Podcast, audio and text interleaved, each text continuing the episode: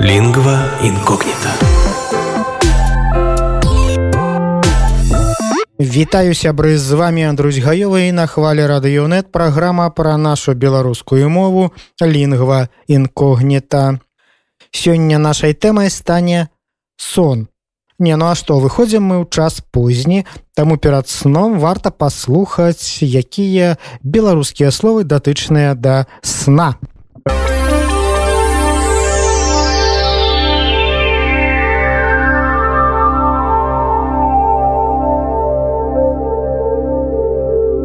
Па-першае які бывае сон? Моцны або глыбокі?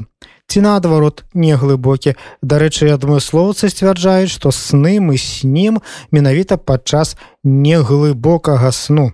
Дарэчы па-беларуску больш слушна казаць менавіта не бачыў сне а сніў я сніў прыгожую вольную краіну яна сніла цябе сёння каб заснуць варта заплюшчыць вочы.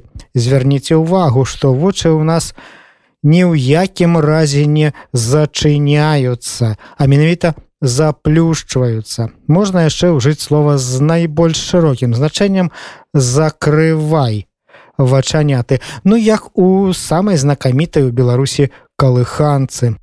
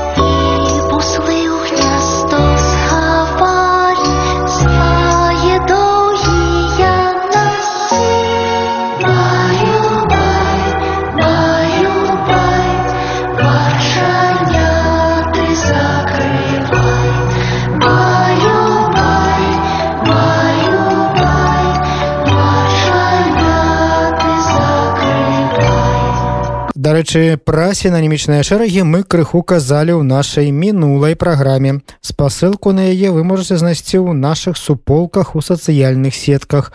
Дык вось сярод словаў, якія абазначаюць закрыццё чагосьці, закрываць слова з найбольш шырокім значэннем. А вось іншыя падобныя паводле значэння словы абазначаюць нейкія прыватныя выпадкі. Дзверы ці вокны зачыняюць, кнігу згортваюць, а вось вочы, заплюшчваюць ну ці закрываюць. Калі людзі перастаюць спаць яны прачынаюцца. Тады адпаведна вочы расплюшчваюцца. Час які чалавек правёў у сне гэта працягласць сну. І каб адчуваць сябе бадзёрым усё тыя ж адмыслоўцы раяць каб штосотневая працягласць сну была каля 8 гадзін. Менш спаць шкодна, як і зашмат спаць таксама шкодна. Калі чалавек на выходных спрабуе адаспацца, у яго збіваюцца біялагічныя рытмы і для арганізма, які прызвычаюся да пэўных гадзінаў для адпачынку, гэта таксама шкодна. Трэба імкнуцца складаць такі расклад жыцця, каб спаць кожныя сотні прыкладна аднолькаю колькасць часу і прыкладна в адзін і той жа прамежак часу ў сотнях. Калі ж гэта не захоўваць, то можа адбыцца парушэнне сну і як вынік развіваецца рызыка захворванняў. Спаць лепей у такім стане, каб на вочы не аказвала ўплыў святло дзённая ці ад лямпы або ліхтара. Для гэтага трэба на вокнах выкарыстоўваць феранкі, а на вочы можна адзяваць адмысловыя светлаізаляцыйныя акуляры. Менавіта з-за таго, што спаць лепей без уплыву святла на вочы, асноўны час для сна гэта ноч альбо цёмны час сотняў. Чалавека біялагічная рытма якога наладаваная на тое каб спаць у дзённы час часам называюць савой. А таго хто прачынаецца рана і кладзецца спаць толькі позняй ноччу жаўруком. Прылады якія суправаджаюць сон гэта вядома ж ложак а на ложку матрац подушка коўдра Дактары раяць перад сном ахалоджвацца і спаць у прахалодным памяшканні, але пад раніцу сагравацца. Таксама парада ад дактароў спаць з мінімумам адзення альбо лепш увогуле аголеным. Вячэраць трэба задоўга да сну і няшмат. Вячэра мусіць быць самай лёгкай ежай на працягу дня. Ну і вядома ж, каб спаць якасна трэба весці здаровы лад жыцця і адпаведная працягласць штосотнявага сну таксама ўваходзіць у паняцце здаровага ладу жыцця. Таму калі хочаце не хварэць, спіце столькі колькі трэба, каб адчуваць сябе бадзёра і здарова.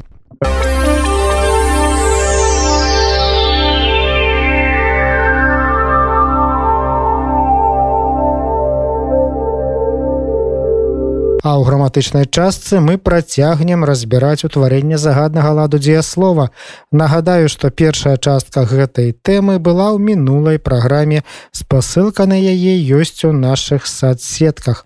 Такім чынам, формы першай асобы множнага ліку загаднага ладу, формы сумеснага дзеяння, могуць утварацца пры дапамозе канчатка м які далучаецца да асновы цяперашняга часу дзеясловаў што ў першай асобе маюць націск на канчатку. Жыву жывем цягну цягнем валаку валачэм пяку пячэм з чаргаваннем г і к Таксама такія формы могуць супадаць з формамі цяперашняга або будучага часу. Скончым заспяваем бяжым спім Яны ж могуць стварацца ад формаў загаднага ладу другой асобы адзіночнага ліку на зычны альбо йод пры дапамозе канчатка ма будзьма чытайма рэжма доўгі час гэта не лічылася літаратурнай нормай але цяпер вяртаецца ў актыўны ўжытак. Дарэчы пры ўтварэнні формаў на ма аддзе словаў біць піць ліць да асновы дадаецца е біема піема ліма могуць утвараць складаную форму шляхам спалучэння часцінкі давай альбо давайце з інфінітывам незакончанае трыванне давай шыць давайте працаваць і з формай першай асобы множнага ліку закончанае трыванне давай сходзім давайте напішам складаная форма таксама можа ўтварацца пры дапамозе спалучэння дзеяслова хадзем з інфінітывам хадзем есці хадзем гуляць Такім чынам трэба адрозніваць канчаткі дзеяслова першай асобы множнага ліку абвеснага і загаднага ладу. Бяром жывём нясём абвесны лад бярэм жывем несем загадны лад. Формы трэцяй асобы адзіночнага і множнага ліку загаднага ладу ўтвараюцца пры дапамозе часцінкі няхай альбо хай і дзеяслова трэцяй асобы адзіночнага ці множнага ліку незакончанага і закончанага трывання. Няхай робіць, няхай адпачывае, няхай ідуць, хай патэлефануюць. Формы загаднага ладу не ўтвараюцца ад дзеславаў магчы, хацець, балець, каштаваць важыць значыць гэта не мэтанакіраванае дзеянне або стан і парыць дажджыць халадаць. Гэта безасабовыя дзеясловы